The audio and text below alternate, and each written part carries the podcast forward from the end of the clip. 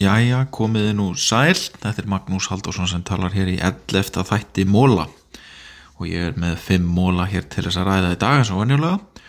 Og ég ætla nú að byrja hér á risastóru toppiki í heiminum sem er sjálfbærni. Þetta er, hefur svo sem alltaf verið frekar, frekar mikið notað hugtak. Einu sinni var nú allur búskapur á Íslandi sem miðaðist út frá þessu sjálfbærni. Þar uh, voru bændur í sjálfsturtar búskap sjálfbærum búskap. Sjálfbærum svo til allt orgu, mat ég veit ekki hvað og hvað. En þetta er mjög stórt uh, hugtak í, í nútíma stjórnmálum og, og, og viðskiptalífnu ekki síst þar sem að saminuðu þjóðnar hafa verið að, þrýsta áum að, að samfélag þróist til á sjálfbærari hátt ekki síst til þess að flýta orkuskiptum og hætta að reyða okkur svona mikið á olju og svo framvegis. Eh, það sem er langaði svolítið til þess að ræða uh, hér er í rauninni hvernig hvernig þetta er að byrtast mér hér í Washington ríki til dæmis. Það sem að það getur nú verið gott fyrir ykkur sem er á Íslandi að heyra aðeins eitthvað sem er eh, að gerast langt í burtu en er kannski bæði merkilegt og, og stærðina þannig að Íslendingar getur nú bara að þakka fyrir að þurfu ekki að glíma við þær. En eh, sjálfbarni hugtaki er mjög, mjög stórt hér í Washington ríki ekki síst það sem að þetta er, þetta er að marganhátt svolítið krefjandi krefjandi samfélag í rekstri svo má segja. Það er erfið, erfið náttúra hér það er til dæmis síall svæðið á borgarsvæði á, á, á svolítið krefjandi svæði fyrir samgöngur. Það er það er, það er vatn og það er skóur og, og svona svo, svo litið hátt, hátt lendið og það sé nú ekki kannski fjöll en það eru hæðar og hólar og svo framvegist þannig að, þannig að eh, það að ítundir sjálfbærni til dæmis í samgöngum og, og slíkum þáttum er bara tölvert mikið átak. Og það hefur verið að glíma við mikinn vöxt hér ekki síst vegna vakstar tæknifyrirtæki á svæðinu eins og Amazon og Microsoft og og Boeing og fleiri sem hafa verið að fara að vaksa Boeing hefur til dæmis verið að vaksa mikið þrátt fyrir þrátt fyrir erfileika við kyrsendingu á maksinum sem að ég hef nú stundum fært í tal hér. Þá er fyrirtæki samt sem áður búið að vera að, að vaksa mikið hér á svæðinu. Þannig að sjálfbarni það sem ég langaði til að ræða er sérstaklega þetta hvernig, hvernig er hægt að ítundir sjálfbarari samgöngur. Hér er eitt af því sem er verið að glíma við það er síallusvæði, stórsvæðið eru 3,7 miljónir íbúa, borgin sjálfur um 700.000 svo tengir, tengist svæðið með þremur ótrúlegum uh, flótbrúm sem eru yfir, yfir Washington vatn eða Lake Washington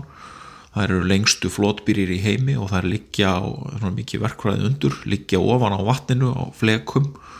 Og yfir þessar brýr er alltaf vaksandi umferð, vakstur umferð hefur verið 4-5% ári. Og það er verið að reyna ítundir sjálfbarar í samgöngur meðal annars með því að byggja upp gríðarlega umfánsmikið almenning samgöngu kerfi, léttlasta kerfi. Og kostnæðurinn við það er, er rúmlega 300 miljardar króna og, og það mun byggjast upp á næstu árum og verða, verða tilbúið ef allt gengur upp innan, innan 5-7 ára. Það sem er áhugavert í þessu er það að stærðirnar hjá þessum tekniri sem eru orðnar þannig að það, er að, það eru þeir sem er að þrýsta gríðala á um þessar breytingar Microsoft er til dæmis staðsett með sína höfustöðar tölvert út fyrir borgina og þeir sem búa í síall þurfa að keira yfir þessar brýr sem ég nefndi á þann til þess að komast til vinnu og reyka mjög umfánsmikið rútukerfi til þess að koma fólki til og frá. Það sem að starfsmenn geta til dæmis panta sér fundi á mótnana ef þeir búið síðan þá geta þeir fengið, fengið bíla þar sem getur verið að taka funda á leiðin upp í vinnu og svo framvegins og Microsoft setti yfir 200 miljónir bandaríkjadala eða 26 miljardar króna eh, inn í, inn í þetta verkefni í letlastakerfið og, og borgar undir stoppustöðu sem verður á, á í höfustöðum Microsoft. Þannig að það er það er til mikið sem vinna þegar að kemur að þessu að íta undir það að, að samgöngunar verði vistvanni en líka skilvirkari og þar, þar tengist að þessu sjálfbarni hugtaki náttúrulega töluvert og allt, allt er þetta miðar að því að, að, að gera samgöngunar betri. Þannig að þetta er mjög spennandi spennandi verkefni hér og getur breytt mjög miklu. Geti ímyndað ykkur þegar, það breytist á sért fastur í umferði einn og hólum tíma kannski í teppu og fyrst degi klukkan 5 og getur farið að taka almengur samgöngu léttlestar kerfi möguleikan eh, til og frá vinnu og ert 12 minútur í vinnuna nýri í síðall þetta er auðvitað þetta er rosalega breyting og getur leitt til þess að byggðin eh, fara að byggjast hraðar upp í, þessum, í útjæðari borgarna það er það sem að þannig er umræðan hér. Og, og það er nú eitt af því sem að stundur spurt með að til dæmis á Íslandi, litla Íslandi það er nú bara 200 manna borgarsvæði. Og þar er verið að fara að byggja upp borgarlýruna sem, sem að er nú búið að ná sáttum en mér stundum stundum vanta að fólk kannski átti sig á því að það verður líka kannski góðu möguleiki að búa fyrir utanborginu og vinna niður í borg ef að þú ert svona fljótið til og frá vinnu með borgarlínu. Þetta getur ítt undir útþenslu borgarna líka. Það allt í lagi ræða það þó að, þó að það sé nú alveg nóg land í Reykjavík til þess að þetta en meira mínum að tím en þetta var nú fyrst í mólin. Nummið tvö er eh, ekki kannski skemmtilegasta hugtækið en, en ég kalla þetta kostnaðar hlutföll hérna í minnisbókinu minni sem það sem ég skrifa niður þessa móla. Og mér langar að ræða hérna þessum kostnaðar hlutföll í nýjum uppgjörum bankana sem byrtist í vikunni. Og þetta eru sagt, þrýr kerfislagu bankanir okkar Íslendinga, það er banki Íslandsbanki og Landsbankin ríkið á Íslandsbanka og Landsbankan 99% og, og Arjónbanki er síðan í engægu skráður í Svíþjóð og Íslandi. Arjónbanki hefur verið að gangi gegnum mikla erfileika eins og, eins og hefur sem komið fram og er með mjög há, látt kostnæðalhutu alltaf er að segja rækstakostnaðar er mjög hár með að við tekjur. Hlutfallið er uh, 1,6% hjá Arjónbanka í þessu uppgjöru sem byrtist eftir fyrir nýju mánu uppgjörunu og þetta var 5,7 í Íslandsbanka og 7,9 á landsbankan landsbankin er að sína langsamlega bestu ekstra kennitölunar núna eins og hann hefur verið að gera undafarið og, og, og það er svo sem, já það er kannski ekki alveg neitt óvænt sem kom út úr þessu. Það sem á spyr sig aðeins að er það hvaða leiðir hafa bankandi til þess að auka hagkvæmni í þessu umhverju sem er núna? Vextir er að lækka eftirspurn eftir lánum er að minga maður sér, að, sér það svolítið á þessum uppgjörum að það er hægagangur og, og það er verðið sírnunum á lánum. Hún nefnur nú samtals um 10 miljórum ég tók eftir því, nú tekur alla bankana það er nú umtalsvert þannig að e, þetta, er, þetta, þetta verður áfram krefjandi. Arjónbanki hefur sett sér til dæmis markmið um að vera með hlutfallið um 10% sem er markvallt betra en það er í dag. Þannig að það er tölvert mikið eftir hjá bankanum við að laga þessa stöðu. Og Íslandsbanki og Landsbankin eru, eru kannski nærði en, en þeir eru samt sem áður. Í alþjóðlegum samanbyrði er, er þetta svona frekar dýrt kerfi sem við erum að sem við erum að rekka þannig að það er annarkort þá er hagraðingi kortónum ef að bankanir uh, gera einhverja skipularsbreytingar til þess, að, til þess að auka við stuðningshlutverk sitt við samfélagið. Og ég veldi í reyndar aðeins fyrir mér með að við yfirlýsingar til dæmis á Harjónbanka hvort að það sé að til að markmiði hjá þeim banka. Það er, það er minnst frekar eins og, eins og það sé að vera að vinna þar áallin um að um að borga fyrir úr bankanum til hlutafa sem er svo sem ekkit óðalett og á ekkit að koma neitt óvart. Þetta var teiknað svolítið upp áður en að banki var skráður og það eru nokkra leiðir sem hægt er að fara og, og Benedikt með Benedikt Gíslason bankastjóri verðist vera með svolítið skýra sín á, á hlutina en það verður svolítið, ég held að séu forvittnilegi tímar framöndan í böngunum, það mun með einu með öðrum hætti held ég að, að breytingar í böngunum muni byrtast okkur í hagraðingu og hún hefur nú verið samt svolítið hröð ég var einmitt að skoða uppgjörinn og starfsmönum hefur til dæmis fækkað um 201 ári hjá þessum þremur böngum, það er umtalsvert. Og, og ekki, ekki skemmtileg hlið á því það er alltaf leðilegt þegar að fækka um starfsmenn en þetta á ekki að koma óvart þeim sem hafa fylst með uppgjörum það er, má ekki gleyma því að þessi bankar eru bara 10 ára rúmlega og það er búið að vinna tölvast afreik við að endurreisa kerfið og, og koma því upp á þann stað sem það er í dag. En, en núna eru eru ákveðnir vaksta verkir í böngun að segja að þeir eru eru ekki mjög hagkvamir eins og þeir eru og þeir munu leita jafnvægis með ein, einu með öðrum hætti held ég að sé óhætt að segja. Mér, þetta hjó eftir þessum kostnálhutullin eru er, þetta er svolítið dýrt bankakerfið okkar og, og fyrir vikið stiður ekki nú vel við heimil og fyrirtæki. Mólinu með þrjú er eitthvað sem ég kalla beintflug til spurningamerki og ég er aðeins að velta fyrir mér þar hvort að við hvort að sé hægt að, hægt að búa til beintflug á nýja staði sem geta stutt við, við hagkerfið íslenska. Það, er, það hefur sínt sig að nýja flugleðir eru gríðala áhrifamæklar þegar kemur að því að skapa störf á Íslandi. Og ferðarhjónastunir voru það öflug að nýjir áfengastæðir og tengingar við nýja staði þar sem að ferðarmenn geta komið þekki beintflug til Íslands eða, eða að minnstakosti skilvirk skilvirka leið til Íslands. Eh, þetta stiður rosalega við okkar hagkerfi og við þurfum að þess að halda núna eftir, eftir gjaldtrótt váer og, og, og kýrsendingu á maksinum þá er svona hefur komið í ljós hvað loftbrúin er mikilvæg. Og, og ég held að það sé það sé nú stóra málið að þarf að þarf að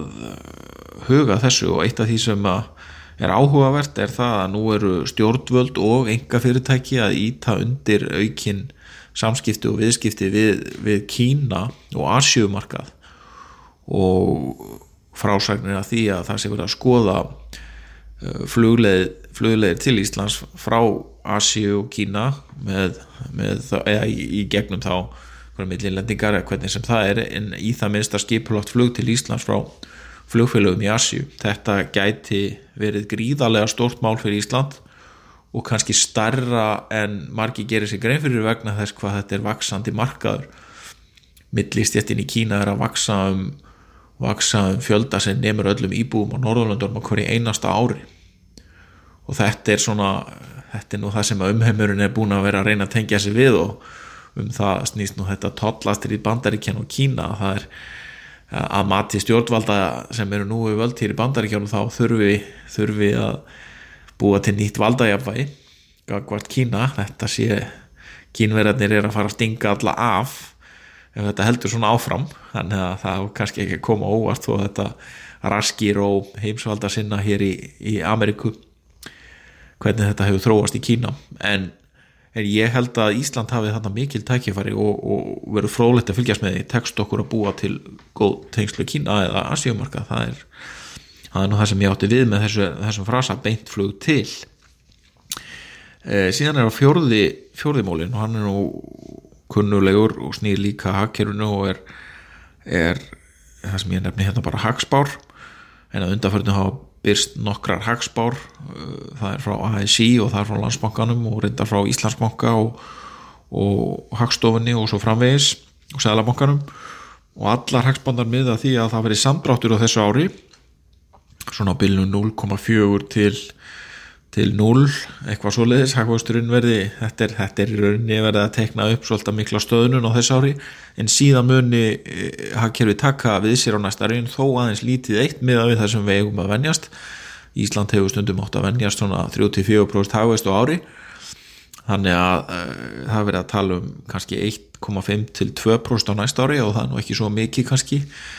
En, en það sem að mér finnst það sem ég er að svona sjá í þessum hagspám og mér finnst áhugavert er rauninni það að það vantar skýringar í flestar þessar hagspára á því hvernig á hagvösturinn að koma. Það er einfallega bara gert ráð fyrir hann komi og síðan er það teknað upp í það koma aðeins fleiri ferðamenn að það þarf alltaf að spyrja sko af hverju? Og af hverju koma fleiri ferðamenn? Og af hverju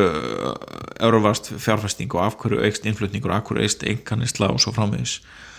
Það er svona það sem að vantar svolítið skýringar á. Ég held að heldur reyndar að þetta sé það er verið að vona það besta einhverju leiti en, en, en kannski líka það að það var auðvitað gríðarlega, þetta er mikið högg á þessu ári miða við fyrra, í fyrra var 4,6% hafustur og nú núna er þetta að fara alveg nýri 0 og jafnveg niður fyrir 0 og það, það er engin Evrópu þjóður að upplifa svona kúvendingu.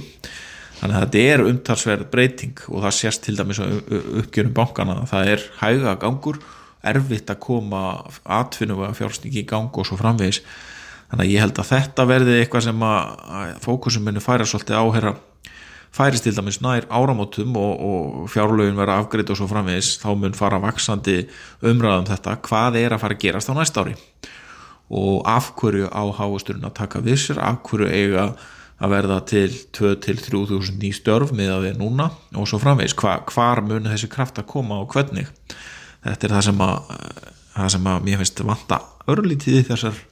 hagspár sem hafa byrst okkur undanförnum. Já, það er eins og með allar hagspár það eru gefnar einhverja fórsendur og svo kemur einhver niðurstað og fólk, fólk svo kemur önvöleikin, hann er yfirleitt ekkit alveg í takti við spátnar, þannig að þetta er nú bara eins og það er. Og síðan er að 50 mólin og síðast í mólin er eitthvað sem ég kalla hér átök og, og mér langaði bara að færa í, í tal hérna vandaða og flotta fréttaskýringu sem við byrtum í vikunni sem að tengist uh,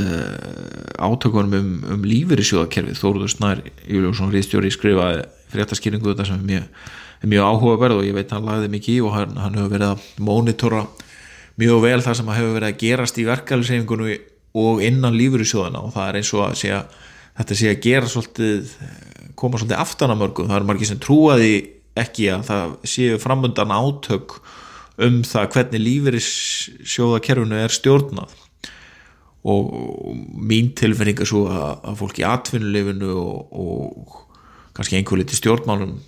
sé ekki alveg átt að segja á því að sé undir alltaf í verkefælsreiningunni sem er villbreytingar og mun beita sér innan stjórna og svona innan í þessum líðræðislu þáttum innan, innan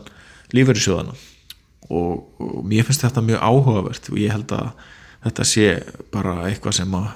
ég, ég hvet fólk til að lesa skýringuna. En þetta er stort mál að vera átök í innan lífursjóðuna og þetta getur þetta getur valdið hérna svona einhverju breytingum í jafnvel fjárfæstingastefnu og kannski fara lífyrsjóðnir bara einfallega að beita sem í öðrum hætti og taka meira þátt í samfélagslegu verkefnum og svo framvegis, þetta er svona þekkt átök alltaf en það eru átök það eru átök í kortónum og eins og venjulega þegar það kemur að einhverju á lífursjón þá er oft titringur líka hva, í hverju þeirra fjárfesta og stundum gangalhundnir upp og stundum ekki. Þannig að þetta er ná ekki að koma óvart. En er að því að því er mér finnst þá finnst mér þetta samt fyrir að koma mörgum óvart í atfylgjum sérstaklega. Þannig að þetta er, þetta er áhugavert. Ég verð hér með, með fimm móla í viðbóti í næstu viku og svo venjulega. Takk fyrir að sinni Takk fyrir að hlusta á hlaðvarp kjarnans Þú getur sótt fleiri þætti um allt millir heimins og jarðar á vefnum kjarnin.is.